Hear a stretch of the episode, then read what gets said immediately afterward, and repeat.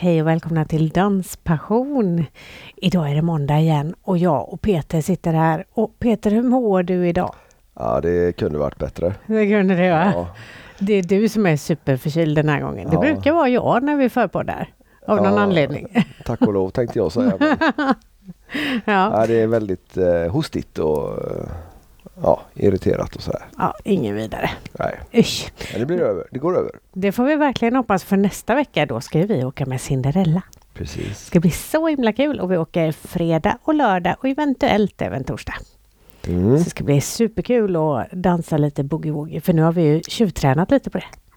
Ja, vi var ju faktiskt hemma hos Claes och Ann-Katrin och sen har vi tränat hemma också. Det har vi gjort. Nu ska vi komma igång där har vi tänkt. Mm. Eh, Men det lär ju bli en massa även annan dans när vi är på Cinderella. Ja, det blir nog lite bugg också. Och lite gammaldans. Ja, det får vi inte glömma med Pia. Sköld. Precis. Mm, Hans-Marie där. Ja, det, blir Det ser vi verkligen fram emot och denna gången ska vi se till att vi hinner dansa en del också. Ja, absolut. Mm-mm. Och eh, den här veckan så har vi ju faktiskt två stycken tävlingar ute på Facebook. Ja, det har vi. Och de tävlingarna är då en tävling om eh, sängkläder, alltså bäddset ifrån Thomas Ravellis företag. Ravelli. Ravelli.se Ja, precis. Och där då går ni in på Facebook och så gör ni som det står där för att vara med i den tävlingen. Och sen har vi en tävling om massage. Det var ju Stenungsbaden som erbjuder massage eh, på för, värde för 925 kronor. Precis, 50 minuters massage. Mm. Det är inte dumt. Verkligen inte. Särskilt om man har dansat en hel helg kan jag tänka mig att det sitter väldigt bra. Ja, Och det är inte alls många som har varit med och tävlat ännu så vinstchansen är jättestor för de som är med. ja. Eh, både för bäddsätten och den eh, massagen. Precis, så dela gärna dem och gå in och vara med och tävla. Och så ska ju vi till eh, Stenungsbaden också om eh, en månad drygt. Precis, på Tonys dans och hälsoweekend där även Thomas Ravelli kommer att vara med och föreläsa. Mm. Och Cecilia Erling, Danemark. Precis. Ja, Och, och, det lite andra som ja, vi inte känner till så mycket Ja. ännu. Ännu nu, precis. Ja. Och idag har vi en gäst som håller på med helt andra danser än de vi brukar prata om och har provat på själva. Ja, ni som har hängt med och sett oss på Facebook eller följer oss på Facebook. Ni har sett att vi har faktiskt varit och tittat när de tränar. Viktor Henriksson eh, var vi och besökte igår. Precis. Och det är ju ett gäng tjejer som verkligen har fokus på tävling. Och då i hiphop och i disco. Och alla deras, de delarna där, det finns ju så många olika grenar inom disco och hiphop. Precis, men det tror jag att vi låter Viktor själv berätta om. Ja, Så vi sätter på avsnittet. ja men det gör vi. Ja. Och så hoppas jag att vi ses på dansgolvet när jag har kryat på mig. Ja, det hoppas vi. Krya på dig. Tack, tack.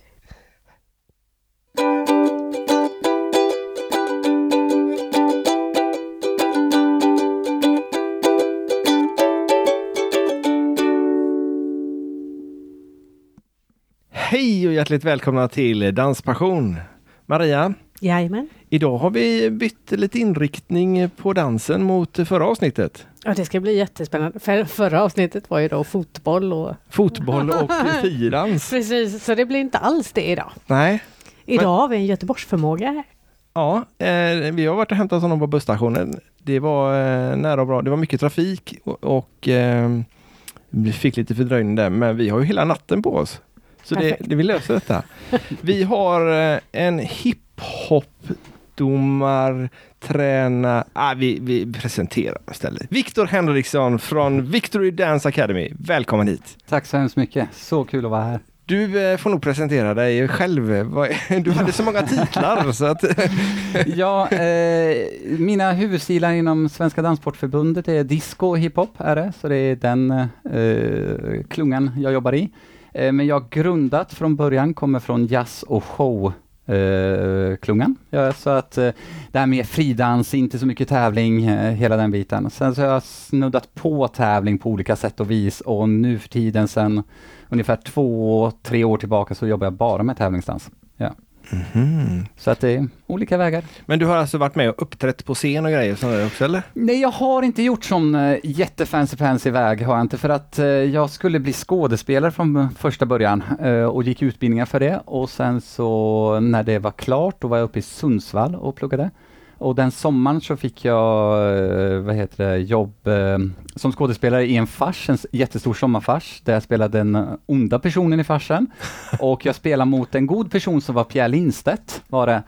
Uh, och under den tiden insåg jag att det här var jättetråkigt. Jag vill inte alls stå på scen. och det hade jag ju satsat på ganska mycket, hade jag, uh, i alla fall mycket mentalt. Uh, och så insåg jag, jaha, vad gör jag nu? Och Viktor, 20 år, tänkte väl alla dessa olika tankar och då hade så många pratat om att ja, men du håller på med dans, du har gjort det ett tag och du har också börjat ge lite kurser och sådana saker, så försök gå in på det spåret. Eh, och jag hade bara hört, det spåret ska man absolut inte gå in på, det finns inget att hämta där, det är bara hobbyverksamhet. Mm. Eh, men Viktor, eh, varför jag pratar om mig själv som tredje person mm. vet jag inte, men det är för lite historia. Men jag, jag på den tiden kanske inte tänkte mig för så mycket, så jag bara, det satsar vi på. Bara för att alla säger emot det så ska jag motbevisa. Och eh, kom in på Balettakademin i Umeå vilket jag tyvärr hoppade av efter en månad och eh, står jag återigen där av, ja vad gör vi nu? Och av slumpen så kom jag ner till Göteborg och sen dess har det varit väldigt mycket dans i mitt liv. Har det. Så på något sätt så gjorde jag rätt val där, där men, uppe. Men du, du började dansa innan du gick på teaterskolan? Då? Ja, det gjorde jag. Jag dansades och det här, jag tror jag var 13 när jag tog första danssteget och det, och det var square dance, komiskt nog. Om, mm eh, för att hemma i Eskilstuna så fanns det, varje midsommar uppträdde ett square dance eh, lag eller vad det heter, jag, jag, kan inte de begreppen riktigt, kommer inte ihåg dem ens. Eh, och det tyckte jag var så häftigt. Eh, och nu är jag 10-11 år ungefär. Så jag får med min farmor, som, och hon tyckte också det såg så mysigt ut. Så jag som 13-åring plus farmor, eh, hennes ålder behöver vi inte säga. Att det, den är lite mer. Ja, den är lite mer kan vi säga. Uh, började dansa square dance och uh, ur det så fick jag intresse för pardans, alltså tiodansen. Uh, så jag dansade det några år också, gjorde jag. och sen så kom jag in på banan. Jag skulle börja tävla i pardans till och med. Det här är väldigt... I Eskilstuna? Nej, uppe i Sundsvall. Sundsvall. Till och med. Mm. Eh, vad heter det? De har Ann Lechtet från eh, Let's Dance. Eh, långt bak i tiden så var hon en av dansarna eh, i, i Let's Dance, har en egen dansstudio uppe i Sundsvall. Ah. Jag vet inte om hon har kvar den. Det är som sagt i många, många år sedan. Är det. Hon dansade med Lasse Brandeby när det begav sig på oh, ja, de första det. säsongerna. Eh, och då, just då så följde jag Let's Dance jättemycket, gjorde jag, det verkligen slaviskt och då tyckte jag att nej, men det här måste man ju också testa på. Och det är Square Dance eh, då i alla fall, jag kan ju ingenting om det idag liksom, men det tar ju väldigt mycket från pardanssteg för du är ju på något sätt dansar ju med någon samtidigt som du dansar i din eh, liksom, fyrkant där det är totalt åtta, så det blir liksom lite allt och inget på något sätt. Eh, och, Eh, och ur det så tyckte jag då, ah, men då måste jag testa pardans. Eh, skulle eventuellt börja tävla men det blev, då flyttade jag ner till Göteborg istället. Så att, eh, eh och någonstans mitt uppe i allt det så insåg jag att eh, det här fridansen, alltså mera jazz, det är det som jag bör göra. Så, så det är den korta vägen. Hur inser man det då? Hur inser man det? Man inser att man faktiskt är inte så bra på det man trodde att man var så bra på kanske. Okay. Eh, och så inser man att oj, när jag hör den här låten, då sätter jag tekniken, då, som folk tjatar om, då, eh, då känns det bra liksom. Ah. Och det var jazztekniken jag på något sätt satte och verkligen ville eh, både bli bättre på och satte liksom grunderna för. Så. Eh, och sen har jag bara utvecklat det allt eftersom. Ja. Är det jazz du dansar fortfarande?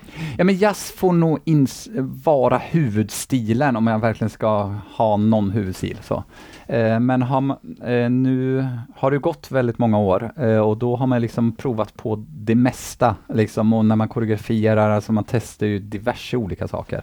Jag älskar att kasta in eh, pardansdelar i det, lite salsa och lite när, när det kommer sån typ av musik, om det, om det finns. Och, så att nu är det Uh, det, det jag sällan kastar in, det är balett dock. Men annars är det väldigt brett. vad gör du koreografier till? Och jag har gjort eh, allt från eh, musikaler till krogshower till amatörteatrar till farser till eh, skoluppsättningar. Jag jobbar med som danspedagog och koreograf åt Göteborgs stad i fem år, frilansande. Gjorde jag. Då hann jag nog med Jag räknade ihop det där någon gång. Jag tror det var någon så här 15 skolföreställningar jag hann med totalt. Allt ifrån att sätta upp eh, rena musikaler i form av Aladdin och Hercules. Eh, Cabaret har jag satt upp, West Side Story, eh, familjen Adams.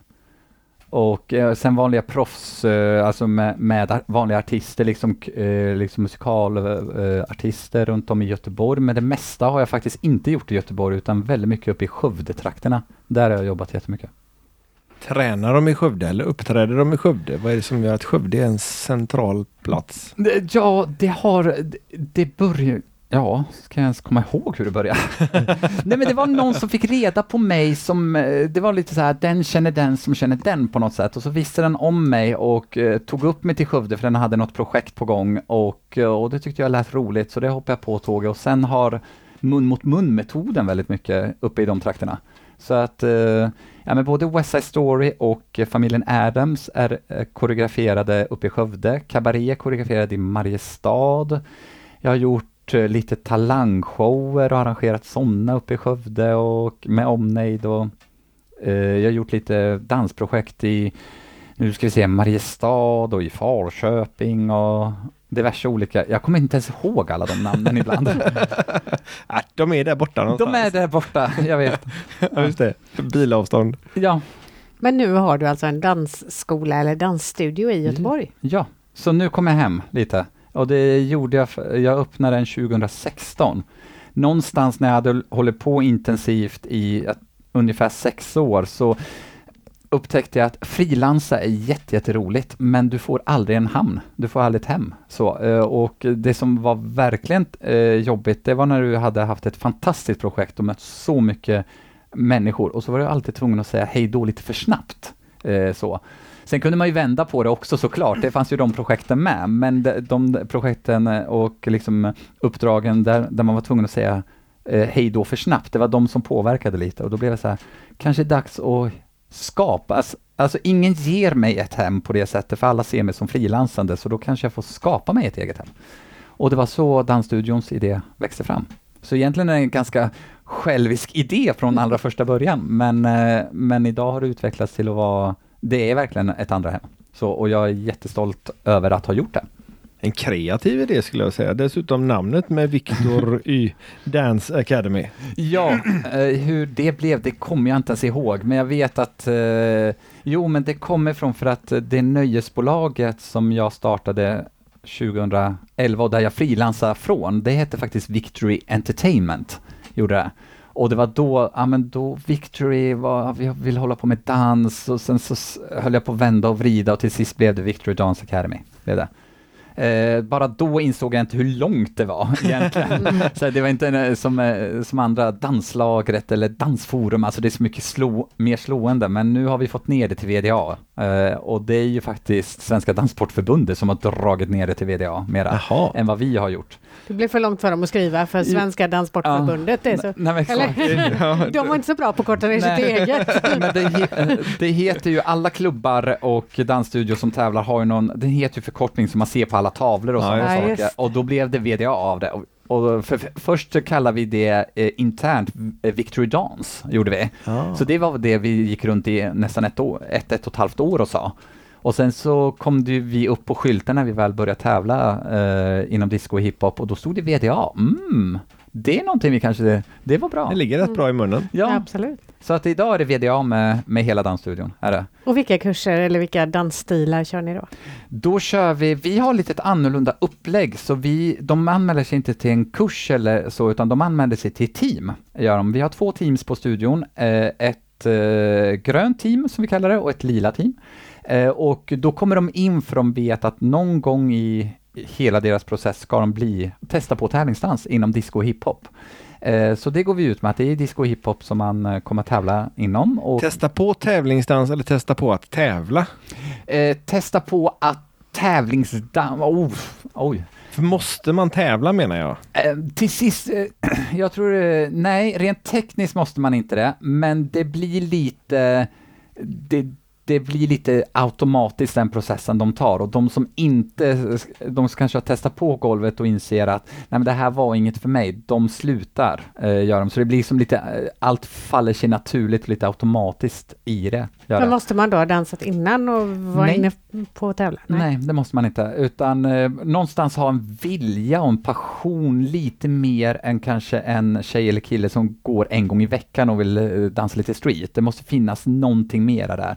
För vi dansar ändå eh, obligatoriskt fem timmar i veckan plus allt annat som krävs när man ska sätta koreografier, du ska ha privatklasser, extra coaching, eh, alla tävlingar och hela den biten. Så, så på något sätt må, eh, blir det per automatik att tjejen eller killen, nu är det bara tjejer vi har på studion, eh, Eh, men att de, de vill lite mera, vill de. Eh, och de som sen upptäcker under processens gång att mm, det här var kanske inte min grej, då slutar de per automatik och, eh, och det, blir, det blir alltid bra avslut blir det. För att det blir ganska naturligt, för man har väl kanske märkt det på den tjejen de senaste månaderna att mm, vi har inte samma glöd, samma passion, vi kommer inte in i danssalen eh, med samma liksom glädje, utan det är, det är lite tyngre axlar och, och, vi tar inte i lika mycket och sådana saker.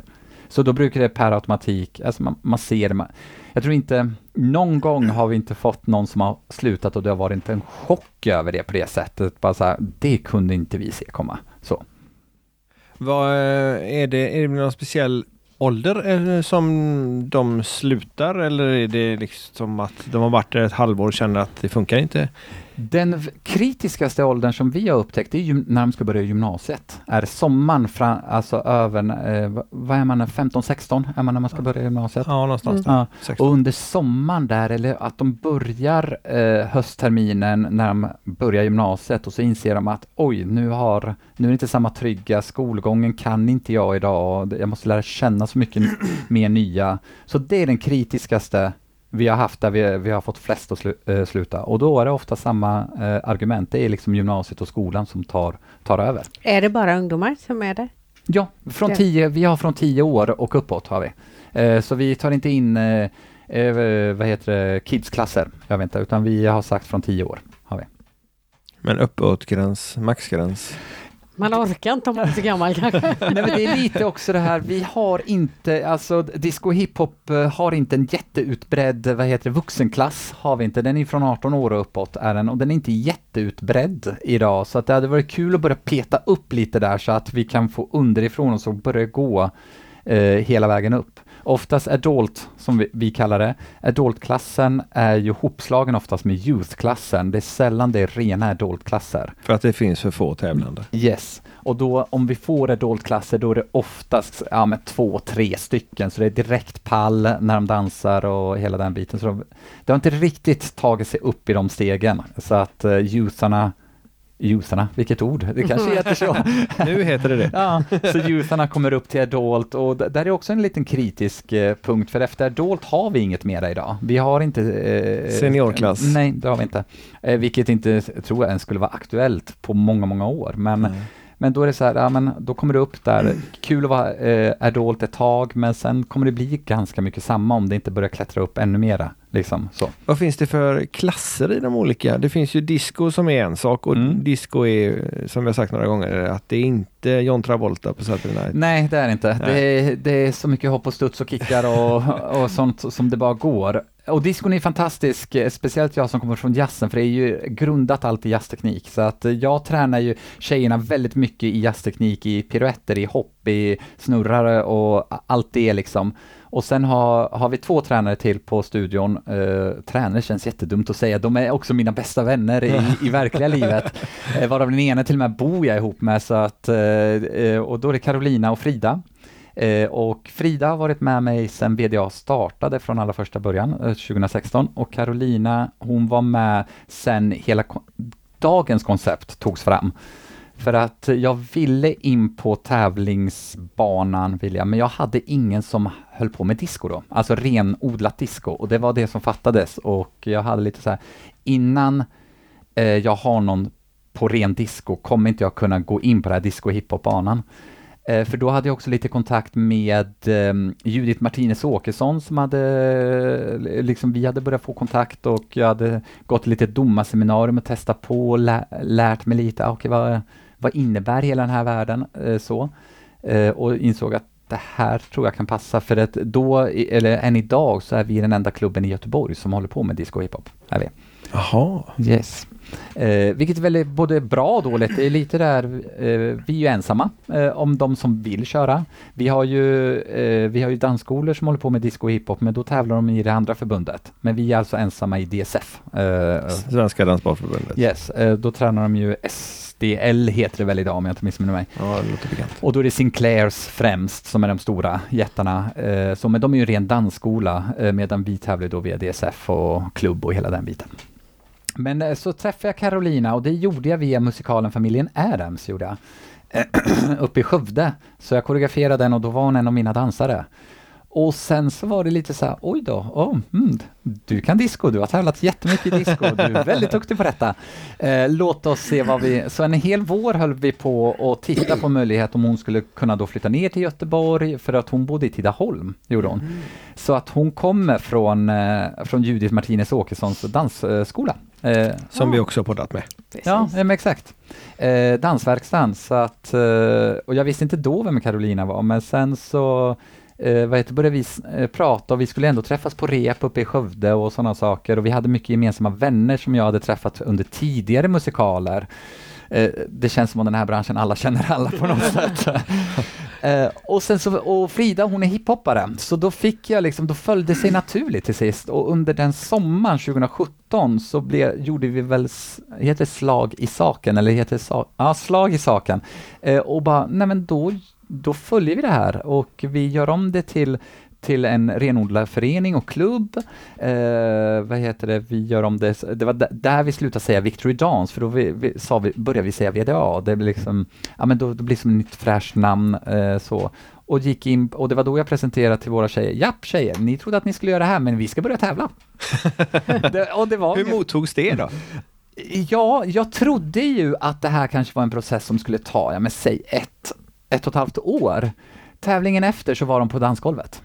Så det, så det gick mycket, dock var det här under sommaren och Falköping hade först, den eh, höstsäsongens första tävling. Och de stod på golvet, gjorde de. Hade liksom, för tanken med Victory Dance nu, om vi ska kalla det så, som man separerar när allting sker, men alltså före själva klubbens födelse, var att vi skulle bli något vi kallade crewskola, det vill säga man har ett antal teams på studion så tävlar man i Eh, fristående stora hiphop-tävlingar, lite alla, ja men då blir det mer att eh, shower och sådana saker, man tävlar i showcase som det heter. Och det var sånt jag hade gjort innan var det. Den största tävlingen där är ju Streetstar eh, som finns uppe i Stockholm och går, eh, den stora tävlingen går en gång om året, sen har de lite andra tävlingar ut med året också. Men den heter Dance School Challenge och då vinner de titeln Sveriges bästa dansskola. Mm-hmm. Eh, och det är ju det ultimata. Sen finns det sådana tävlingar som Danskarusellen och det finns lite olika varianter. Och de har jag också dömt, inte Streetstar, där har jag faktiskt tävlat. Eh, men eh, Danskarusellen har jag dömt deras riksfinal och lite sådana saker. Så den världen var jag ju inne i och hur det funkade. Så det var ju den jag ville plocka in den nyöppnade Victory Dance Academy till. Det var ju ganska, för mig då, jättesjälvklart. Sen bara på ett år så hann det ändras så mycket för då, eh, då får jag som sagt kontakt med Judith, eh, jag, jag hittar Carolina, så allt faller sig lite bara, men då kan vi ju köra på det här. För min, sk- min skräck då var så här, har jag ingen inom disco, då går inte det här. För jag kan inte göra alla de här, jag när man håller på och hoppar och kickar, jag kan kickar, men jag kan inte utföra sådana typ, mm, alltså såna typer av kickar. Hoppa upp i split och så vidare. Ja, nej, den här kroppen gör inte så mycket split. det gör den inte. Där går en gräns så, men... eh, Men, men du sa att du var domare för de där. Är det inom Danssportförbundet också? För du är utbildad domare inom Danssportförbundet Yes, det är jag. och dömer både nationellt och internationellt. Ja, vi får dela upp det lite grann. Jag dömer Okej. inom, eh, jag vet det är många turer här. Ja. Eh, inom den fria, liksom, om man ska säga crewvärlden, där, där dömer jag internationellt. Ja. Ja, okej. Eh, men där behövs det inte licens på samma sätt. Där är mera ett, eh, ja men, namn går de mera på. Eh, men de har ju också något förbund under sig, för de, ute, i, ute i Europa så kallas de Art Festivals, gör de. Mm. Och då blandar de både sång och Det dans. lät fint. Ja, det låter, det låter jättefint. Ja. Eh, Jag vet, det har jag inte ens tänkt på att, eh, jag har bara sagt Art Festival, så, det- men, det, men ibland, vissa av de här tävlingarna, de har ju både orkestrar, instrument, sång, dans, alltså man kan tävla i jättemånga olika, till och med, jag vet en tävling hade till och med konst, hade de, så de hade en jättekonstutställning, hade de, med tävlande från i hela Europa då. Så det är sådana jag har varit nere och dömt internationellt i vad är det, Minsk? Ja, där har jag varit. I Vitryssland har jag varit en gång. Det var en väldigt intressant upplevelse. Eh, och i Finland, i Italien ett antal gånger, i Spanien, Litauen. Jag tror det är de länderna jag har varit och dömt i, tror jag. Eh, och det, och det är mer den fria världen, där har vi inte, jobbar vi inte så mycket med licenser, däremot arrangörerna måste ha olika licenser och de har också ett förbund över sig som heter, och det vet inte jag vad det förbundet heter, men jag vet att de sitter eh, lite likt World Dance Sport Federation fast för Art Festivals då. Mhm. Eh, Så. Eh, och sen får de arrangera de här typen av tävlingar utifrån ett antal reglementen som de måste hålla sig till. Men de får däremot välja vilka typer av domar de vill, och, men de väljer ofta så här ja, men namn på något sätt som de kan sen marknadsföra för att vi kommer alltid ut på Facebook och sociala medier så här några veckor innan, eh, innan tävlingarna. Ehm, så det är det jag har gjort internationellt och nationellt, där Eh, förr i tiden så dömde jag crewtävlingar nationellt, gjorde jag i form av, eh, jag har dömt Danskarusellens riksfinal och olika steg i det och sen tävlat i Streetstar som koreograf faktiskt. Ehm, Vad är Street Star? Streetstar är ju, jag skulle säga det, jag tror många håller med mig, den största crewtävlingen som finns i Sverige, den liksom den toppen, eh, the jewel of the crown. Eh, som, eh, och där tävlar de i kategorin eh, Best Dance School of the Year. Det är den, och den är alltid Då är det massa som är på scen samtidigt. Nej, det är en grupp, det är fortfarande ett team som är... eh, Ja, men det är liksom inte en individuell tävling utan det är en grupp Mm. som visar hur duktiga de är och så är det någon som bedöms det ut och domare. Ja, exakt. Eh, det, eh, så det är en team, eh, teamtävling. Men ibland är de nere på, vissa tävlar fyra stycken och sen kan det vara upp till 20 liksom.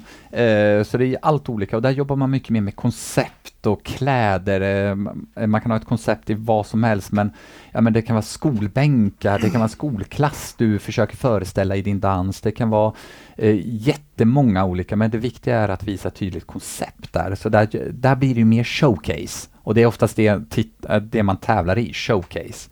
För det svåra med den världen, det är ju att eh, en ballettkvartett kan ju ställas mot en, eh, en tung break-kvartett. Mhm. Och de ska på något sätt Bedömas på likvärdiga premisser då? Ja men exakt, och då Shit. tittar man ju bara överlag, vem har bäst teknik för den stilen man gör? Då kan man inte gå ner, vem har bäst balettteknik? För det ena gör ju inte ens balett så. Men då Eh, måste man kunna både och för att vara domare i det? Ja, eh, nu, nu tog jag något väldigt, eh, man brukar sällan ha break mot balett, Nej, brukar man nej. inte, men, men det kan vara så stora kontraster, men då tittar man också mycket mer på att finns det tydlig röd tråd i numret man gör, finns det tydligt koncept, eller går man bara upp för att dansa och sen var det bra med den saken? Alltså sådana värden kommer in i, i bedömningen då. Och då gör ju alla arrangörer lite olika. Ibland står det vilka punkter man ska bedöma liksom. Ibland kan det vara med poäng eller du ska sammanstråla eh, dem liksom. Så det är den fria crewvärlden mera, eh, där, och det, den, det tänket kom jag ju från liksom väldigt mycket och sen helt plötsligt så kom jag in i DSF och det bara, jaha, nu ska vi verkligen bedöma dans, bara dans, liksom.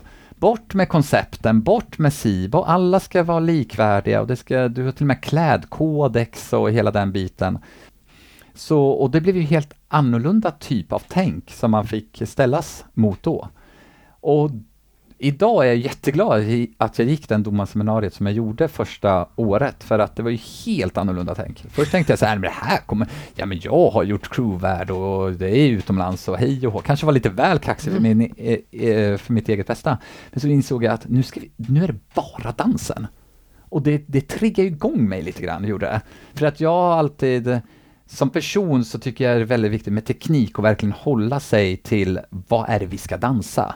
Eh, så, är det ballett eller är det jazz, är det hiphop? Alltså, eh, och hur, långt, hur bra kan vi bli i det? Liksom. Så eh, jag triggades ju igång det här, nu är det bara disco eller bara hiphop eh, eller bara disco, jazz eller vilka stilar man nu väljer. Eh, för jag är väldigt tekniskt lagd som, eh, som både pedagog och koreograf. Är. Så att det triggade igång mig då. För, Men då blir du domare för disco mm, och hiphop. yes. Något mer? Eh, Idag är jag också domare för Parts, Performing Arts. Och det är en tredje, den blev antagen nu till nu är det inte jag som är experten på vilket år den, den blev antagen som stil, om det var 2019 eller 2020. Ganska nyligen i alla Ganska, fall. Jättenyligen, yes. Eh, och eh, det, det är det senaste domarseminariet jag var på, det var för Parts, alltså Performing Arts. Och vad är det?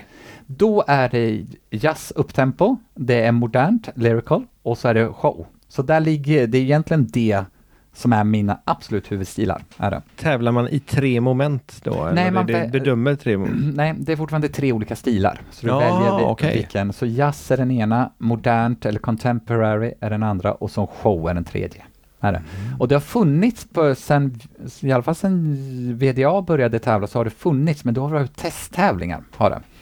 Eh, Men nu har det gjorts eh, officiellt då och eh, var tvungen att utbilda domare då och få licens och sånt. Så- Men är det också genom Danssportförbundet? Mm, det. och det ligger Mhm. under disco och hiphop-grenen, så alla de, Ah. så på så sätt så har disco och hiphop-grenen, jag tror det är nio discipliner idag, tror jag, Oj! har, vi, har vi vuxit till. Kommer det vara med på SM? Det tror jag inte än, för vi har inte så många performing art-dansare, utan det har varit mycket där eftersom disco ligger så nära jazz och de stilarna så, eh, så är det ganska lätt att implementera dem i de redan existerande discodansarna. Och likadant hiphop, det tar man mycket eh, kvälls och hobbykurser. Och, på så, och det gör man med jazz och det gör man med modernt också, så utformningen har ju varit ganska eh, lika, så då har man bara implementerat det i, i de redan existerande dansarna som finns, eh, som tävlar inom disco och hiphop.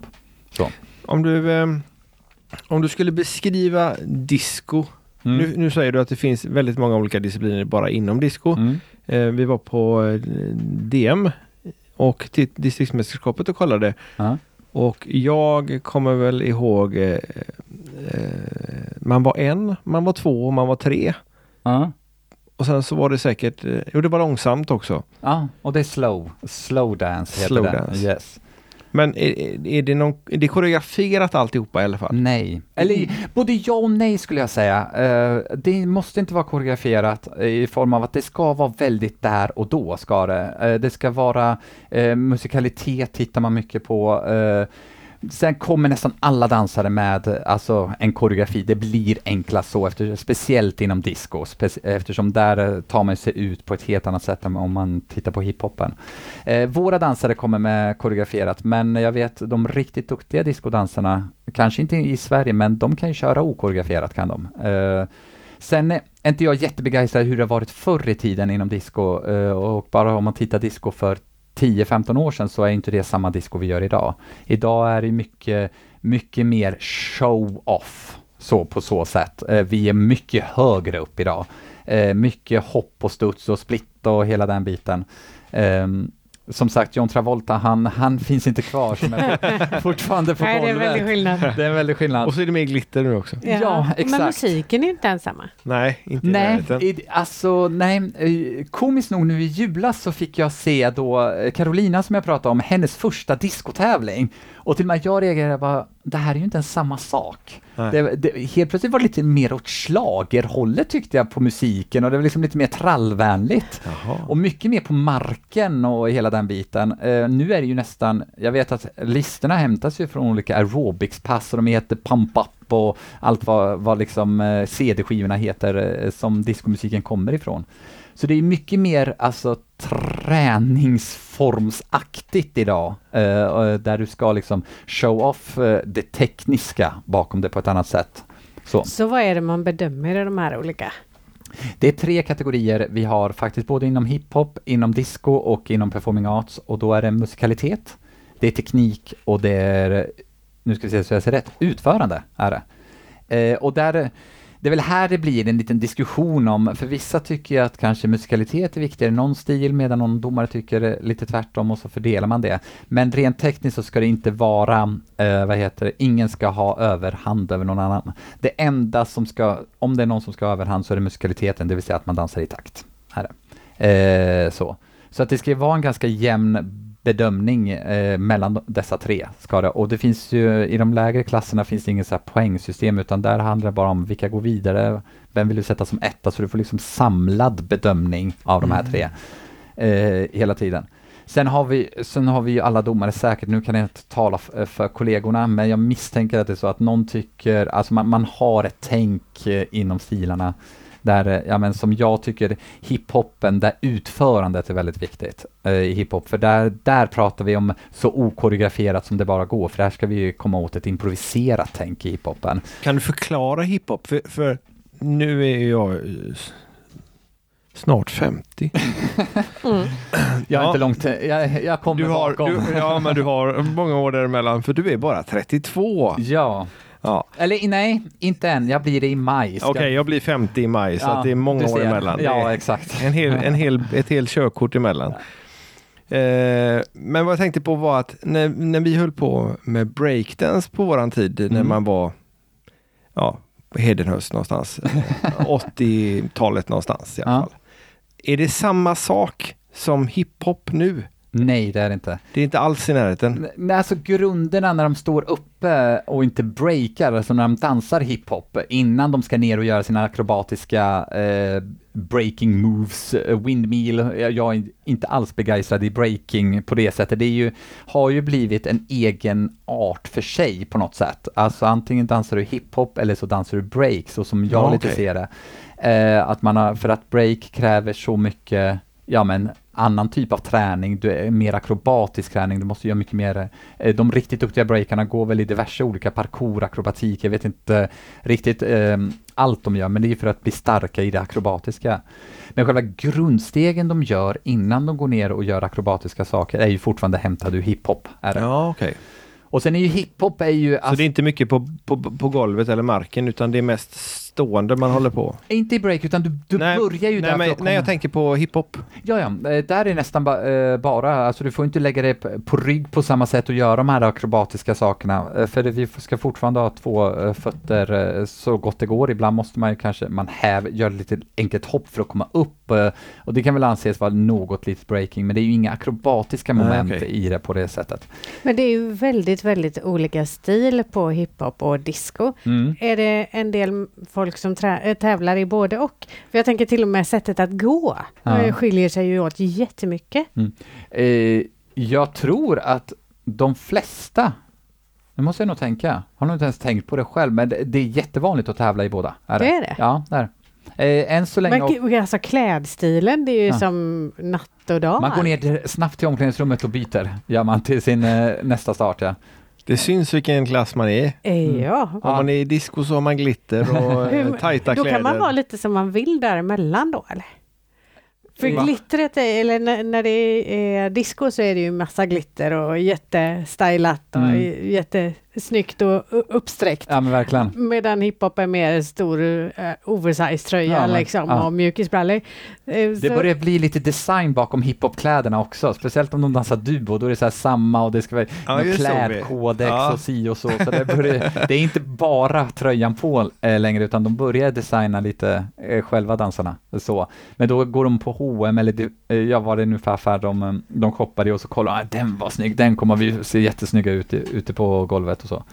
Eh, Men det är ju inte som disco, eh, dock all det här glitter och glamouren, det får man ju bara ha i, i lite högre klasser. Så att de är i den lägsta klassen Samma så, sak som tiodansen då. Yes, i lägsta klassen får de inte ens ha glitter, får de inte, utan där, är, där kan du ha samma utstyrsel som du ska ha sen när du dansar hiphop rent tekniskt kan du.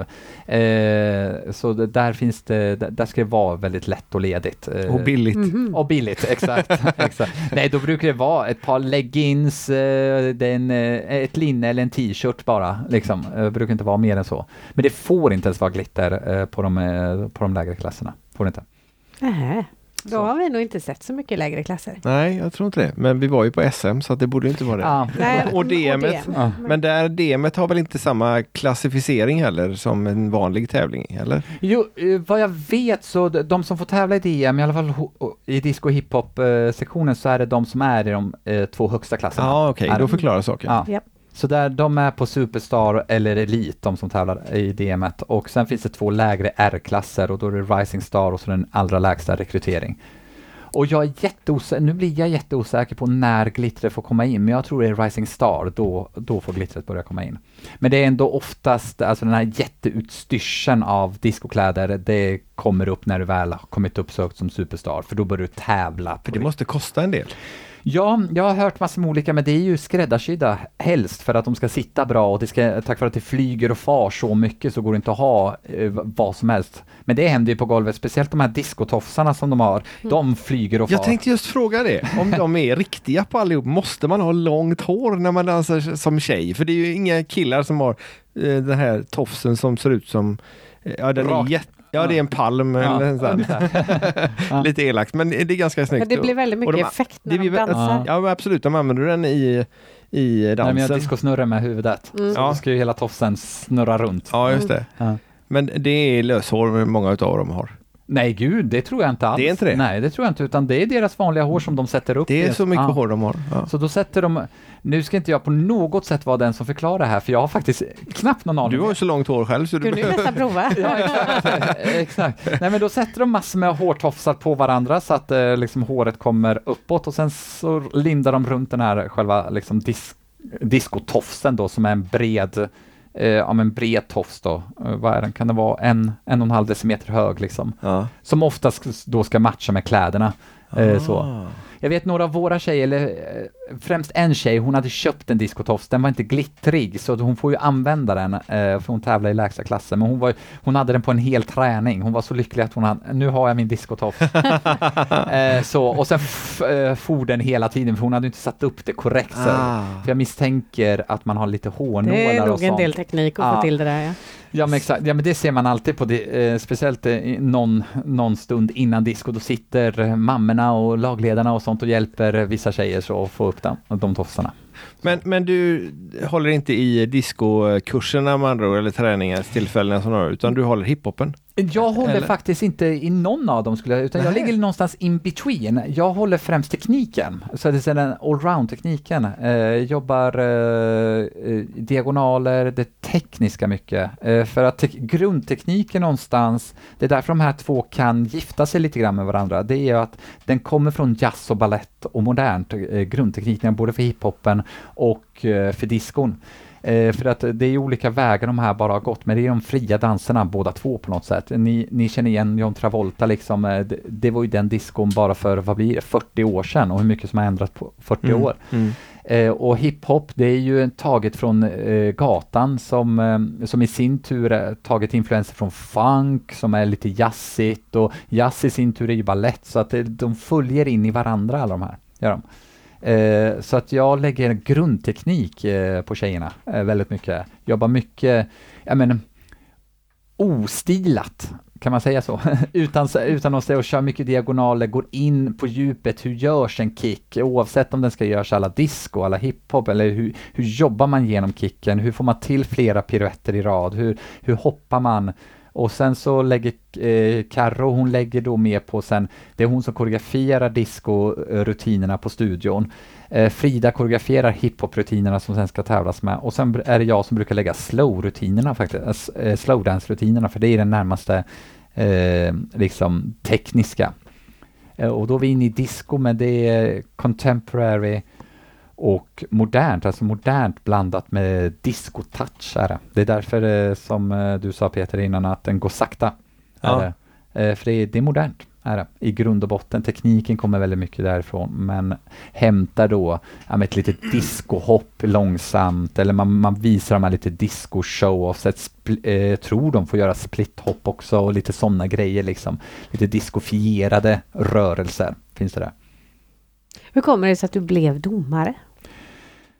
Eh, inom DSF är det ren slump, är det, för att Judit eh, och jag började få kontakten och, eh, och Judit skulle då, eh, då skulle här kommer, hoppas inte jag säger fel om några årtal nu, får, får rättas till efteråt i så fall. Men jag vill minnas att 2017 var första officiella, första eller andra officiella året med disco och hiphop i DSF. Eh, och då behövdes det nya domare, behövdes det, eh, för att det hade visats intresse och flera klubbar hade börjat haka på och sådana saker. Och med min eh, domarerfarenhet sedan tidigare och även min dansbakgrund eh, så så to togs jag in då att uh, bli domare och gå en, uh, en kortare utbildning så att jag kunde stå på domargolvet typ en, två tävlingar efter. Så. Det var snabba puckar. Det var jättesnabba puckar var det faktiskt. Jag, jag vill minnas att jag var på seminariet i början av februari och första tävlingen jag dömde var typ, typ i slutet av mars. Var mm. Så det gick faktiskt väldigt snabbt. Och det var, och det var innan jag ens hade tagit in eh, VDA då i DSF. Så jag fick en testtävling själv och, och, lite så här, vad handlar detta om? Så. Och det var faktiskt eh, den första tävlingen jag dömde var Sävsjöbuggen var det. Så det var i Sävsjö. Eh, Hade de disco på buggtävlingen också då? Ja, då, det var en, ett år testade de det. Eh, tyvärr kom det inte tillbaka, eh, vilket var väldigt synd. Eh, men, eh, för jag är sån som förespråkar att jag tycker att alla tävlingar ska vara eh, samlade. Ja. BR, speciellt BRR och disco och hiphop. men men det, det är svårare sagt än, eller, svårare sagt än gjort. Är det alltid. så. Men eh, med Sävsjöbuggen var faktiskt det första eh, tävlingen jag dömde för DSF. Bara. Varför tycker du att det ska vara tillsammans?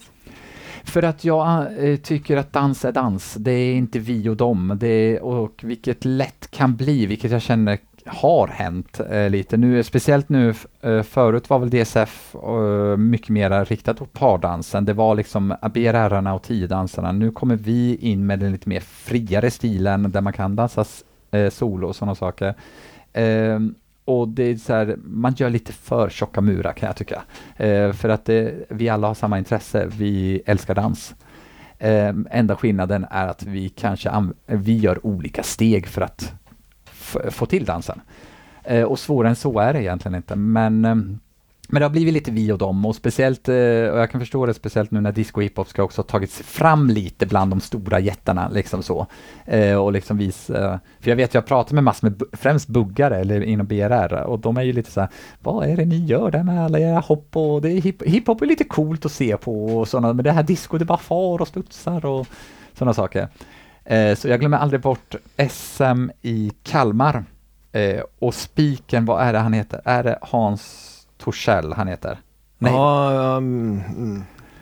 Det är i alla fall, han är fantastiskt rolig. Torssell tror jag att han heter i efternamn. Han är fantastiskt rolig speaker och är så levande liksom när han, eh, när han, eh, han är speaker. Och när han fick se hiphop, och speciellt hiphop battle, då blev han ju helt liksom bara såhär wow vilken grej och det skulle snurras flaska. Han var jätteså bara kom igen nu publiken, ni är väl med? Och han tyckte det var så roligt och någonstans det var första gången han någonsin hade kommit eh, i kontakt med något sånt här liksom och det, det är där Eh, det där jag kan tycka att det är så vi ska jobba, uppmuntra varandras stilar. Försök, vi behöver inte förstå varandras stilar, det är inte det det handlar om. Är det inte? Eh, massor med saker som eh, jag vet BRR-arna inte förstår på oss och vi förstår det, men det är inte förståelsen i dansen som sådant, utan mera förståelsen i att vi gör det här tillsammans. Vi är under samma flagg, alla, alla tävlar eh, för DSF. Eh, låt oss vara bästa vänner.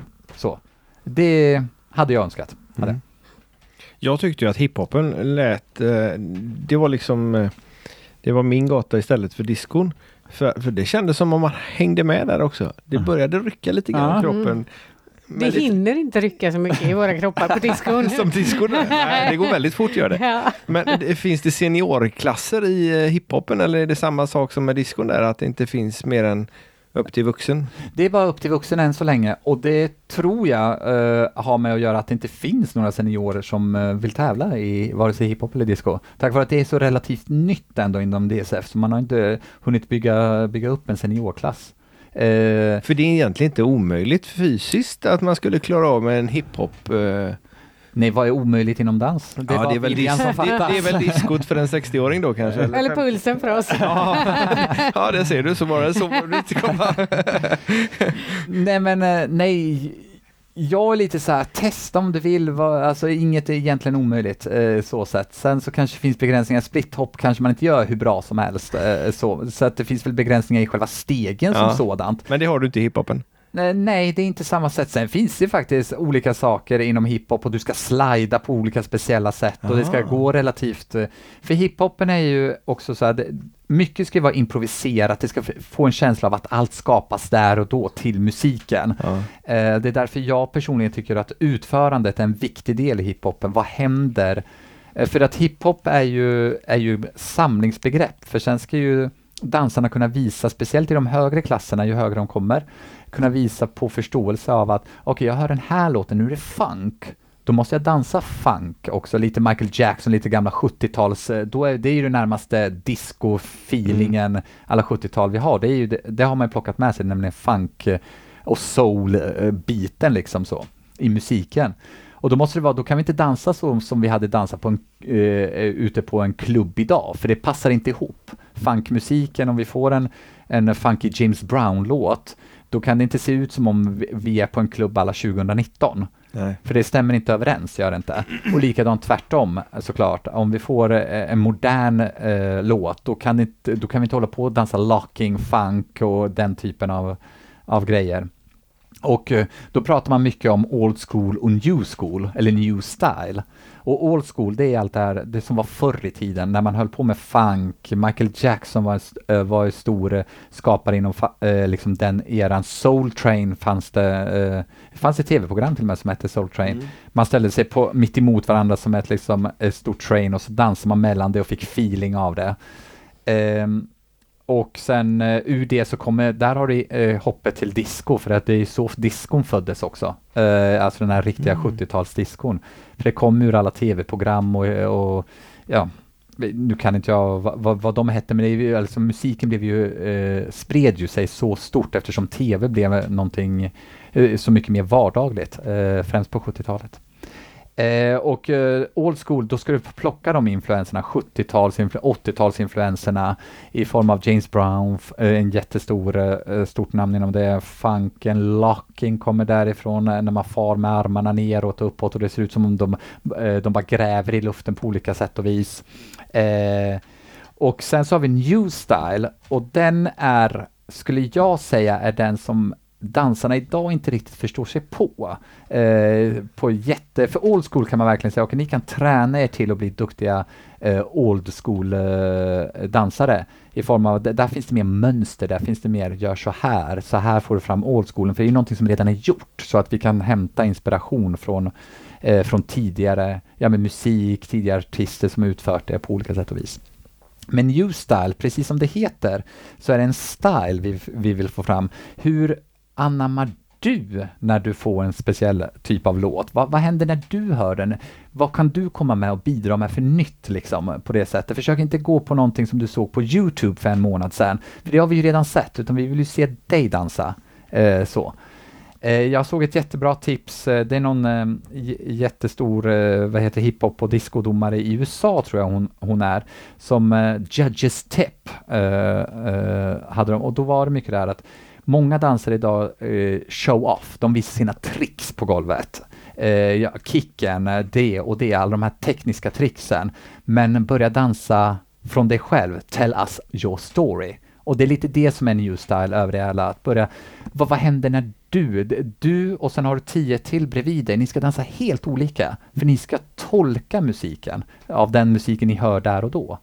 Och den brottas, skulle jag säga att vi brottas lite med, och även på studion eh, så tränar vi jättemycket med, med den begreppen. Håll inte igen. Du vill så gärna gå på de här to-go-karden som du vet, det här funkar, eller jag har sett att det funkar tidigare, men, men vad händer när bara du gör det? Alltså släpp allting och så bara, bara dansar du.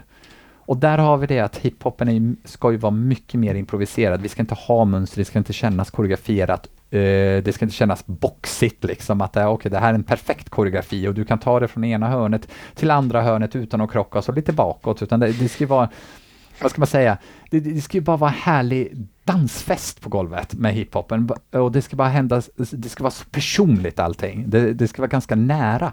Eh, till skillnad från diskon, där är det så här, där måste vi hålla oss i olika linjer och sånt, för annars är det lätt att krocka. Är det. Det är rätt höga ben och hårda sparkar och grejer Ja, det- Det är ju det, så där kanske vi inte kan göra vad som helst och bara dundra fram, även om det är det de försöker med många gånger. Men, Inom- jag, vi har tittat då på bland annat SM och det var första gången jag reagerade över att eh, tjejerna, oftast tjejer är det, det var väl två killar kanske som var med totalt. Åtminstone på DMet var det två. Tror Ja, jag. Tre? jag tror det. ja, hiphopen var väl en till. Skitsamma, det var inte det. Eh, de ställer sig väldigt, väldigt nära domaren. Ja. Vad är vitsen med det? Det är ingen vits för bedömningen i alla fall. Det är inte det? Nej, det är inte för att distrahera eller någonting? Nej, snarare tvärtom. För att det är och det, det här pratar vi, får ju säga till på tävlingar också, backa. Eh, Ja, för jag har sett en del domare gå åt sidan Mm, för att det... Jag är en av dem. Ja. Jag, jag är verkligen en av dem. Eh, som, eh, för att eh, dansaren tror många gånger att om jag ställer mig framför domaren så kommer domaren bara titta på mig och så skymmer jag så att säga mina konkurrenter. Jag tror att det är lite så, eh, men det, det som blir är att, att jag har koll på dig, lite ögonvrå, men jag försöker ha koll på alla andra, så det betyder att jag missar allt du gör nästan, oftast. Eh, så. Och jag får inget avstånd, jag ser kanske en arm bara. Ja, det är jättebra teknik på armen, men eh, allt annat liksom. Så ju längre ifrån, desto mer avstånd får vi och kan se en helhetsbedömning och det är då det blir rättvist, för då kan vi se liksom flera stycken samtidigt och få in hela golvet eh, på det sättet. Och jag vet inte, jag personligen har ingen aning om var det, det tixet skulle jag kalla kommer ifrån, för att det, det är verkligen så här, vi flyttar ju oss eh, per automatik, men många gånger följer ju dansaren efter. Vi var riktigt oroliga när vi såg det första gången. Vi tänkte det här kommer inte att gå, de kommer få en smäll. Liksom. Men det, Ja. var ju, det var ju liksom 30-40 centimeter ifrån. Ja. Det var ju så nära så att det finns ju ingen chans att se varken bra eller dåligt. Nej, nej men exakt. Eh, och det, det är ju till dansans nackdel, är det ju. Eh, för att då, då har vi ju kanske bara stört oss på det och försöker titta liksom bakom dansen, vad händer bakom? Så man, man måste ju flytta på sig. Har du varit med om att det har hänt något att någon har tjongat i en domare? Eller någon annan dansare. Nej, inte sjung, jo, sjungit till andra dansare, ja, ja, absolut. Eh, så. Eh, till och med våra dansare har gjort det någon gång, någon, liksom, eh, någon rullning på golvet och så kom eh, eh, ja, men någon arm eller någonting sånt, så det, det händer.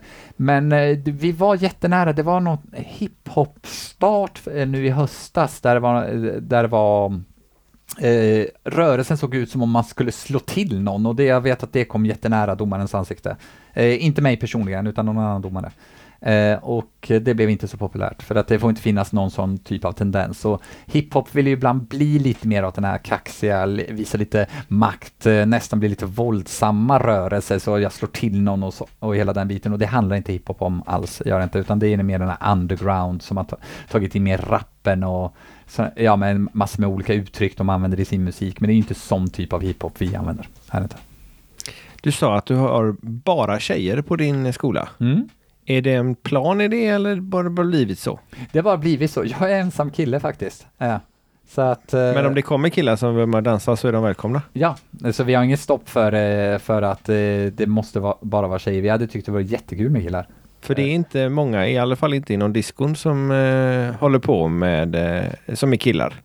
Nej, jag vet inte exakt hur många det är inom DSF, men det kan väl vara ja, 10, max eh, 15 någonstans där håller det sig. Eh, Och så kommer de att gå lite, för jag vet att vissa har hoppat av och sen kommer det väl några nya och hela den biten. Främst yngre kommer det, då pratar vi typ 7-8 år. Ja. Mer sådana eh, kommer in. Eh, och lite så är det inom hiphopen också. Det är inte killdominerat på något sätt som man kanske skulle kunna tro, utan det Ja. är, där är lik, nästan lika få killar där också. Så det är inte bara för att det är hiphop så är det främst tjejer som eh, vi har i förbundet ändå. Vet du vad det beror på? Eh, ingen aning faktiskt. Jag har faktiskt aldrig analyserat det, utan jag Ta dem som kommer. Ja men lite så, så kör man på för att vi, vi är här för att dansa. Diskon kan jag lite förstå, för det är så här, är du kille och kanske 12-13 år, då kan diskon klassas som väldigt feminin och hela den biten, vilket när man väl provar det så inser man att den är allt annat än feminin, för det är bara ett träningspass eh, så fort du bara kan. Så då får du liksom på något sätt en annan eh, bild av det. Men hiphopen, den är jag lite eh, fundersam själv, för att den är ju klassad som väldigt killig stil att hålla på med. Eh, så, så att den är lite oklar för mig faktiskt. Har ingen aning om varför och inte analyserat det än. Nej. Men det var spännande att höra lite av vad andra folk tänker också. Eh, Och det faller sig bara på något sätt naturligt. För jag vet att eh, de andra studiosarna, de jobbar ju mycket med hobbykurser och sen så blir de, eh, får de tävling ur det. Hobbykurser, alltså man går en gång i veckan mera. Eh, och sen de som väljer sen att eh, tävla, ja, men då går de både hobbykurser, det är där de hämtar själva träningen. Och sen, går de, sen tävlar de med det, får en privatklass eh, och sätter koreografin och sen så tävling. Men vi har ju vänt på det. Vi väljer, och det är där stora skillnaden är att alla våra tjejer börjar i tävlingsteamen, för vi har inga hobbykurser istället. Har vi inte. Så våra kurser är ju tävlingsteamen. Är det. Men det vi har det är att vi har olika processer. Det kan ta ett, ett och ett halvt år innan en tjej ställer sig på golvet för första gången. Hon kan ta ett äh, avbrott på ett halvår, vilket vi har haft äh, en tjej nu i höstas som gjorde. Nej, jag vill inte tävla med hon tränar lika mycket som de andra och är med på alla träningar och sådana saker. Eh, och så nu till eh, första tävlingen i år, eh, då ska hon vara med igen. Ja, nu, nu är jag redo igen. Så vi har mycket sånt på det sättet. Så, men eh, vi har ju eh, två fasta klasser varje vecka som alla måste ta. Oavsett om du, du ska tävla den här terminen eller inte tävla, för där genomgår vi också vanlig dans eh, dansklasser i form av teknik, i form av vi testar diskokoreografier, vi testar hiphopkoreografier, vi testar att dansa solo versus duo. Så all vårt tänk i träningen är ju för tävlingsgolvet en dag, men det är inte ett måste att nu ska vi stå på golvet. Heja, ut med dig! Men du kan välja om du bara vill köra disco eller bara köra hiphop. Mm, det kan man. Det kan man. Vilket jag tycker är jätteviktigt, eh, för att disco och hiphop är så olika eh, Eh, jag kan eh, känna lite att de har kommit närmare och närmare eftersom de har slagits ihop som en kategori i DSF, vilket jag tycker är väldigt synd. Vi, för det blir lite det här, istället för kvalitet så får vi kvantitet på dansarna. De dansar så mycket som möjligt, vilket är väldigt, väldigt bra. Men vi glömmer också lite att börja spetsa dem lite grann i sin utövning av hiphop respektive disco. Eh, och eh, en dag eh, absolut, du ska tävla i allting, men eh, man behöver också spetsa om man ska bli riktigt duktig och hamna på de höga nivåerna. Eh, så måste man till sist börja spetsa och det är väldigt mycket spetsat eh, två stilar. Vissa klarar ju det och vissa klarar det inte. Men också att det är viktigt att man kan tävla i en hög eh, klass i disco, om det är det som är ens huvudstil, pratar vi på studion om väldigt mycket huvudstil och sen tävlar du en låg klass i hiphop, för det gör du bara för att det är roligt och du vill bara dansa så mycket som möjligt. Och då är man helt rätt ute, anser vi, eh, för att du ska kunna få tävla i hur mycket som helst, mer eller mindre. Uh, sen finns det stilar som man, som man får avråda. Nej, du kommer inte sätta det här. Vi, vi måste vara liksom lite, li, ja, men lite sanningsenliga. Det är som jag gör split-top i diskon där. Mm. Ja, men, ja, nu vet jag inte. Det blir spännande att se. Nej, det blir det inte alls. Det är sjukskrivning ett halvår sedan. Hur många är det som går på den skolan? Just nu har vi eh, eh, eh, tio tjejer tror jag det är. Faktiskt. Visst är det Två stycken i ena teamet och sju andra. Det är nio faktiskt. Jag kunde inte ens räkna. Så vi är väldigt, väldigt, väldigt få är vi och vilket, vi, vi har kapacitet för flera har vi. Vi har kapacitet uppåt en 20 ungefär. Mm. Så, men sen så tar vi inte in så mycket mer. Jag vet inte. För vi vill vara de här små som, som eh, vi känner alla, gör vi. Eh, alla känner alla. Eh, och det gör att, eh, ja men som när vi är på tävlingar, Eh, så bygger vi tävlingen lite, oli, eh, lite annorlunda. Eh, många har lagledare, det har man väl i bugg och sånt också. Jajamän. Oftast är det föräldrar som är lagledare, eh, så, men hos oss är det vi tränare som är lagledare. Så vi, föräldrarna får jättegärna vara med, men de får titta på, vi åker i samlad tropp alltid, så det är också en sån sak, vi, vi, vi lämnar, alla tar sig inte upp av eget bevåg, utan då har vi samlat, den här tävlingen behöver vi tre bilar. Då åker vi från eh, från centrala Göteborg gemensamt upp till tävlingarna, åker tillbaka gemensamt. Och, så att det blir verkligen en dag tillsammans hela tiden. Och lagledarna är alltid vi tränare. Eh, ibland är jag det, om inte jag står på domargolvet, för jag kan inte vara båda, kan jag inte.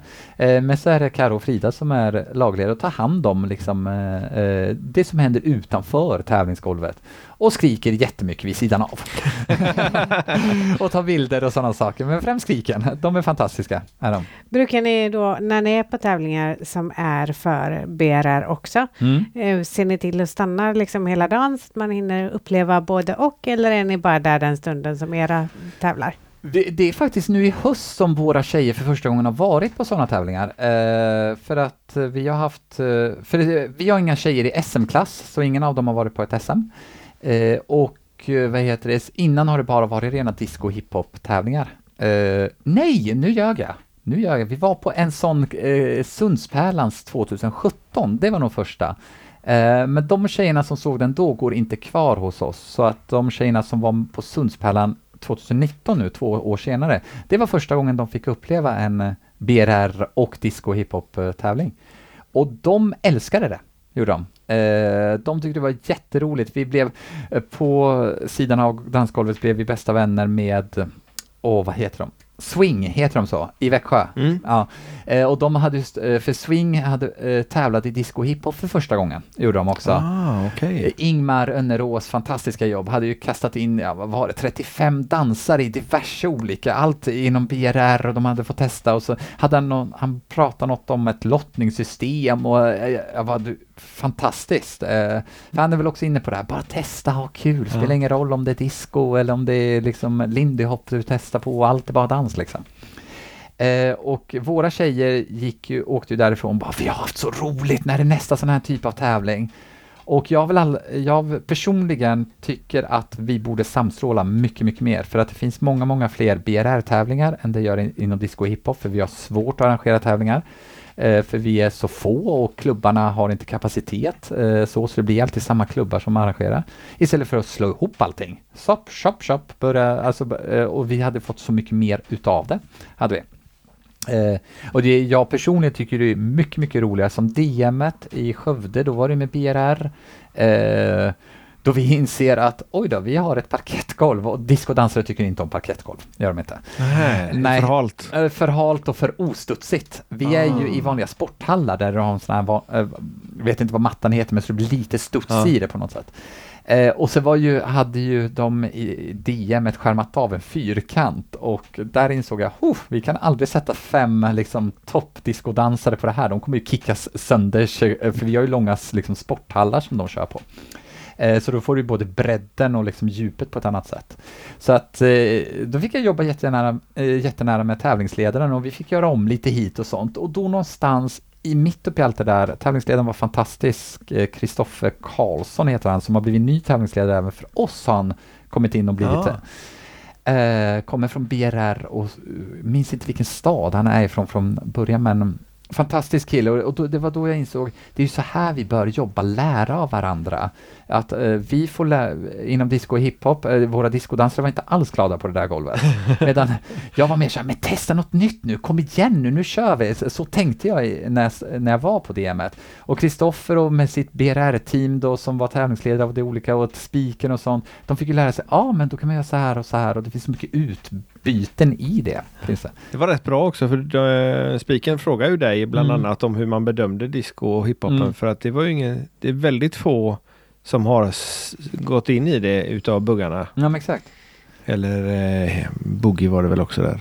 Och Lindy kanske. Något sånt. Kanske. Ja men det var ju också så kul för jag vet vi stod och tittade ibland på, på de andra BRR-starterna och det, det, det är då någonstans det blir är inte DSF slogan någonting i stil med eh, dansen vill, dansen kan någonting? Och det är då vi är i den slogan, alltså dansen, vi är bara en stor familj, liksom Mm. så. Och det är därför jag personligen tycker alltid att det är mycket roligare att döma och jobba med tävlingarna när, när det finns mer än bara disco och hiphop. För disco och hiphop, de kan vi. Alltså våra tjejer kan dem, vi, vi som jobbar med dem kan dem. Det, det, det, det är inget nytt där. Och alla känner alla. och alla känner alla, absolut. Eh, och tyvärr blir det väldigt enkelt och det misstänker jag att ni har också lite, ja, samma prispallar väldigt många gånger, speciellt i de höga klasserna och hela den biten. Så det blir, blir ganska samma utformning på det. Eh, och sen så när det kommer något nytt, även, även när våra tjejer som är på något sätt, de vi väljer att lyssna på väldigt mycket, för att det är ju de som ska tävla, är det. När de reagerar så positivt att det här var jätteroligt och det var jättekul att se dem eh, testa det och det och det och de, eh, de glömde bort resultat och allting, för det var, var jätteroligt. Och jag dömde Sundspärlan eh, den tävlingen i disco hiphop, och då, jag hör ju Ingmars gäng, eh, swinggänget plus oss, de, de försöker skrika i kapp vem som skriker högst och heja på just sina. Eh, och helt plötsligt så hör man en mansröst bara Heja från VDA! Och jag bara, men vi har inga killar. Nej, då är det Ingmar som hejar på oss. Och, och våra tjejer och våra tränare svarar ja men heja swing! Så att, alltså, på så sätt blir det så fantastiskt kul. Det är någonstans det- hade man ju önskat att alla tävlingar var. Ja, Så. visst är det så. Visst är det så. Så att, men vi är inte riktigt där än. Inte riktigt. Nej. Vi var någonstans i Göteborg du håller hus?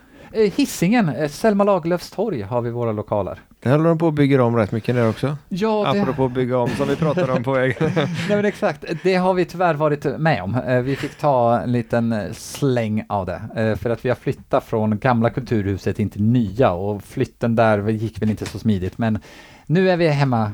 Nu har vi bosatt oss i det nya huset. Nu vet ni var ni ska vara någonstans. Nej, men exakt. Och eh, det verkar ju som om du har väldigt eh, mycket danspassion, men eh, vi gör som vanligt. Ja. vi ställer frågan. Vad är danspassion för dig? Men danspassion för mig har med vilja att göra. När du har så stark vilja och bara kan göra utan att tänka. Eh, för många gånger så kan jag se, dansare, vi älskar att övertänka saker. Skulle jag faktiskt vi- villigt erkänna. Men när du bara gör, du bara, du bara fylls, alltså din vilja för att dansa tar över så du slutar tänka och ba, bara gör. Det är ju en fantastisk passion. Och när din vilja tar över så mycket så att du skulle Ja, jag har haft ett uttryck nu, om man får säga det, men äta, skita, sova, dans. Ja. Och det fick jag lära mig när, eh, när jag var yngre, att har du det, är det så du tänker om dans, då, vad heter det, då kommer du jobba med dans, eller hålla på med dans på ett eller annat sätt. Och jag gör väl, äter dans, ja, det är mittemellan där ibland om jag måste tänka på någonting. Och sover, ja, jag drömmer dansdrömmar. Så att jag tror lite på den devisen faktiskt. Och den har jag sagt till våra tjejer också flera gånger. Och medan man äter kan man ju lyssna på Danspassion. Ja, men när man Ja, lyssnar på eller dans... skiter. Eller så tittar man på en dansfilm medan man äter eller någonting. Så att, ja. Så det är lite, det är danspassion för mig. Men du har ett vanligt jobb också? Ja, det har jag. Eh, idag har jag ju det. Eh, för några år sedan då jobbade jag bara med dans heltid. Eh, som pedagog, producent och koreograf. Men idag jobbar jag som platschef på ett eh, aktivitetshus, eh, Jökboet i Göteborg. Vad gör man på Jökboet? Och där gör man allt från femkamper, kommer till, eh, möhippor och svensexor kommer dit och firar eh, de speciella dagarna. Barnkalas har vi där och man får testa på att rida mekanisk tjur och det finns eh, eh, olika typer av grenar. Eh, Toarace, jättepopulär gren. Eh, sumobrottning, massa... Toarace. det är Apropå så. Det skita lät som dans. magsjuka mer tycker jag. Det är mekaniska, de ser ut som eh, minimopeder och så eh, själva botten är en toasits. Och så styr man den. Eh, så massor med sådana saker. Så har vi så, grejer som paintball och vi har bumperballs. Så det är ett aktivitetshus för olika events för både familj, vänner, företag, privata tillställningar. Låter Men det jättekul. låter som det också är något som händer på eftermiddag kväll. Och jätteolika. Eh, är allt från klockan, eh, ja den tidigaste bokningen vi har haft är väl typ 8-9 och då kan det vara en vardag om det är ett företag. På morgonen pratar vi om nu. Ja, på morgonen yes. Eh, fram tills, ja men eh, sista starttiden vi har nu för tiden är klockan, eh, klockan sex på kvällarna. Är det. Och då är det jätteolika för det är så mycket typer av människor man, man jobbar med och som ska på något sätt, ska det firas eller ha kul på något sätt. Det kan ju bara vara kompisgänget som istället för att spela biljard som vi gör varje, varje gång när vi ska ses så gör vi lite mer sån här annorlunda aktivitet som blir väldigt roliga bilder av. Speciellt i vissa av alla utstyrslar man, man ska ha på sig. Sumobrottningen är ju en klassiker. Så. Den har jag provat. Man är väldigt otymplig. Ja, väldigt. Och det är väldigt kul att titta på. eh, nej, så att, eh, och det, det ligger väl ganska, alltså eventbranschen som detta är då, jobba med events och liksom eh, planera. Jag är ju också med i planeringsstadiet av olika möhippor, svensexor, kickoffer, en del i hela de, deras planeringsdag eh, många gånger. Och det är väldigt spännande och det är väl lite och planera en scenshow eller planera en danstävling eller planera, alltså det ligger ju någonstans i samma eter på, en, eh, heter det eter? Jag tror det heter. Samma område i alla Eh, fall. Samma område, Ja. vi, låt oss säga område. Eh, alltså med event och entertainment, nöje, dans och så att eh, ja. Men ni har inga dans... Du har inte tänkt att lägga till dansutbildning på en möhippa eller något liknande? Eller en svensexa där? Nej, faktiskt inte har jag inte. Eh, jag vill vara t- där jag försöker separera de två lite Ja. grann eh, så, även om de ligger väldigt hand i hand. Det närmaste vi har gjort faktiskt, det gjorde vi nu i mellandagarna inför ett eh, nyårsgig eh, då vår, eh, våra danssalar var stängda nu över mellandagarna. Då skickade jag Karo och Frida som skulle göra själva eh, dansa, uppträda uppe i Jo. Eh, på tal om småstäderna så har vi där i Nio. Eh, då fick de träna i Jökboets lokaler. Ah, det är det närmaste. Och sen har jag faktiskt haft eh, tjejerna har fått köra femkamp, alltså våra danstjejer har fått köra femkamp. Två år har de fått göra eh, på Jökboet. Kul! Men det är det närmaste, annars så vill jag separera det lite. Så, så att, eh, Det ena är jobb och det andra är nöje. Ja men lite så, lite så. Det var väldigt bra förklarat faktiskt. Vilket är roligast då av allt du gör? Du dömer, du har koreograferat en massa och du är danspedagog. Ja. Eh, oj, Och dansare då förstås. Ja, jag dansare är inte en epitet, eller inte titel jag använder om mig själv faktiskt på det sättet, för jag, jag har ju knappt stått på scen. Alltså det är när jag måste, måste, måste, har jag väl gjort det någon gång så, men eh, det roligaste, ja men VDA och driva VDA måste nog vara det absolut roligaste. Eh, för att det finns, det finns som bredd i det, och det tar aldrig slut. Det är inget så här att okej, om ett år är den här scenföreställningen slut. Eller någon, det, det tar aldrig slut på något sätt. Det går alltid att vinkla och vrida och via det så ges det så många möjligheter. Men VDA är egentligen inte möjligheterna utan det är faktiskt vårt arbetssätt som gör att det är roligast. För vi, är så, vi jobbar så nära med dansarna. Eh, vilket vi har kallat, vi har ett begrepp av det och det är VDA-andan. Eh, och vi direkt en, eh, någon av våra tjejer så här, nu föll ni utanför, da, da, da, da. då får de lite, nu, nu är vi snälla igen och nu ska vi vara, eh, liksom, vi- vi gör mycket med passion och mycket, eh, vi, vi pratar jättemycket om viljan. Eh, så. Ibland kommer vanliga livet emellan och så visar de olika så här, ja idag är det sju svåra år på axlarna och då blir man så här, kom igen nu. Eh, vi kan sitta ner, absolut inga konstigheter, men, men VDA-andan är väldigt viktig och skapat den och skapat det arbetssättet, det är nog det roligaste att jobba i det. Finns det några planer på att, eftersom ni nu då går på samma tävlingar som BRR-dansarna, eh, typ studiebesök tänker jag att man eh, provar på BRR-danser också, eller tvärtom att ni kommer att visa på någon eh, BRR-klubb? Liksom. Eh, planer, inte än, men tjejerna efter Sundspärlan så, så börjar de para ihop sig för de vill dansa BRR. De vill dansa bugg på studion på VDA. Så att, Han ser inte helt nöjd ut. jo då, det var det. Vi, ja, ni hinner ju knappt med disco och hiphopen. Nej, just det. Dygnet har inte alla fler än 24 timmar. Nej, men lite och så så. och sånt där. Men de var seriösa, de ville börja dansa bugg, ville de. Eh, så att, eh, vad heter det, hade varit jätteroligt att hitta samarbeten, alltså bara, bara för skojs skull, eller se om det går att vidareutveckla, om vi får ut någon, något par på golvet. För om jag, vad jag förstår nu för tiden, eller kanske bara inom tiodans, men man kan köra Nej, samkörna. nej, det går bra. Men man behöver ansöka om dispens om man ska upp lite grann i klasserna. Än Ja, okej. så länge. Men Okej. det måste vara på väg bort. Ja, för det är ju vårt problem, vi har ju bara tjejer, så att vi kan ju inte skapa de här liksom klassiska uråldriga eh, partänkerna. Men eh, de var helt seriösa, de började para ihop sig, för vi har ju duo hos oss. eh, Ja, det. in- och det är ju rent tekniskt samma sak som par, jätteroligt på BRR-tävlingar, för alla speakers är ju par om våra duos, och ibland fattar de inte ens vad det betyder, så dansarna förstår inte att de ska in då.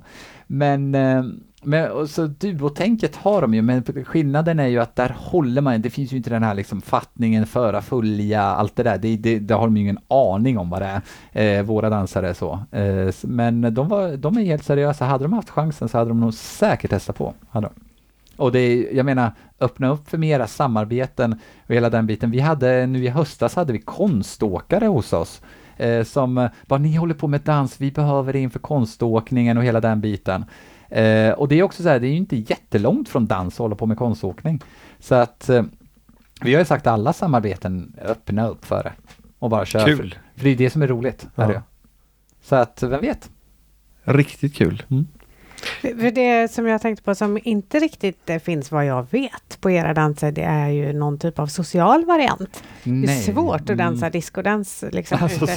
Men Eh, hiphop borde kunna gå. Men hiphop finns ju, alltså, det, det här är väldigt mina egna eh, värderingar nu, men jag skulle säga att den sociala varianten av hiphop dansar ju mer åt det vi, vi pratade tidigare om, crewvärlden, där blir det mer social med kompisarna, du bedöms inte på samma sätt. Fortfarande kan det vara tävling eller inte tävling, eller du, du har en grupp på din dansskola som du bara dansar av det med, uppträder lite grann med, eh, visar upp dig med andra grupper. Så det är mer den världen som, om man ska, skulle klassa det på något sätt, att hiphop har socialt, så skulle jag personligen alla kommer nog inte hålla med mig för att det är en evig diskussion hur man klassar saker och ting inom, eftersom det kommer från den fria världen på ett helt annat sätt. Så det är, någon tycker si, någon tycker så och så. Och det är väldigt viktigt när man pratar om det att uh, allt är ju någon form av egna tolkningar av vad man har snappat upp under tiden man själv har arbetat.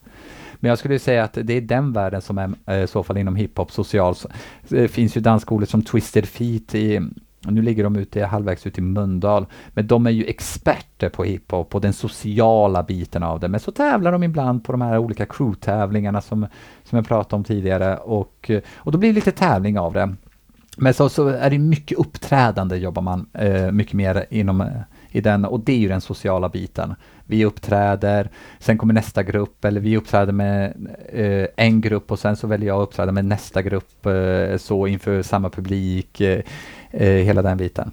Men det närmaste sociala vi skulle ha, det är ju i så fall eh, battle, hiphop battle, men det är fortfarande tävling är det ju. Men då är det mer där vi vi har två stycken eh, eh, vad heter det, motståndare och så har du ju ringen runt som du sitter och liksom hejar på. Det är ju, den, det är lite där, hämtar det här gamla Soul Train-tänket på något sätt. Göra. Eh, men det är fortfarande tävling så det är ju inte socialt på det sättet. Nej. Är det inte?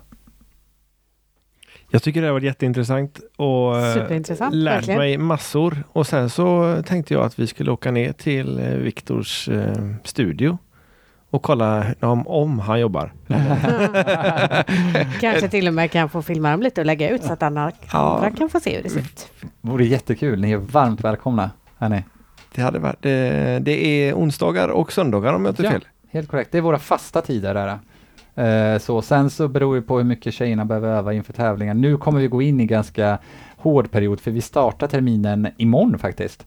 Uh, och sen så är det första tävlingen är eh, vad blir det nu? Det blir 22 februari och då är det flera av tjejerna som ska eh, testa nya starter.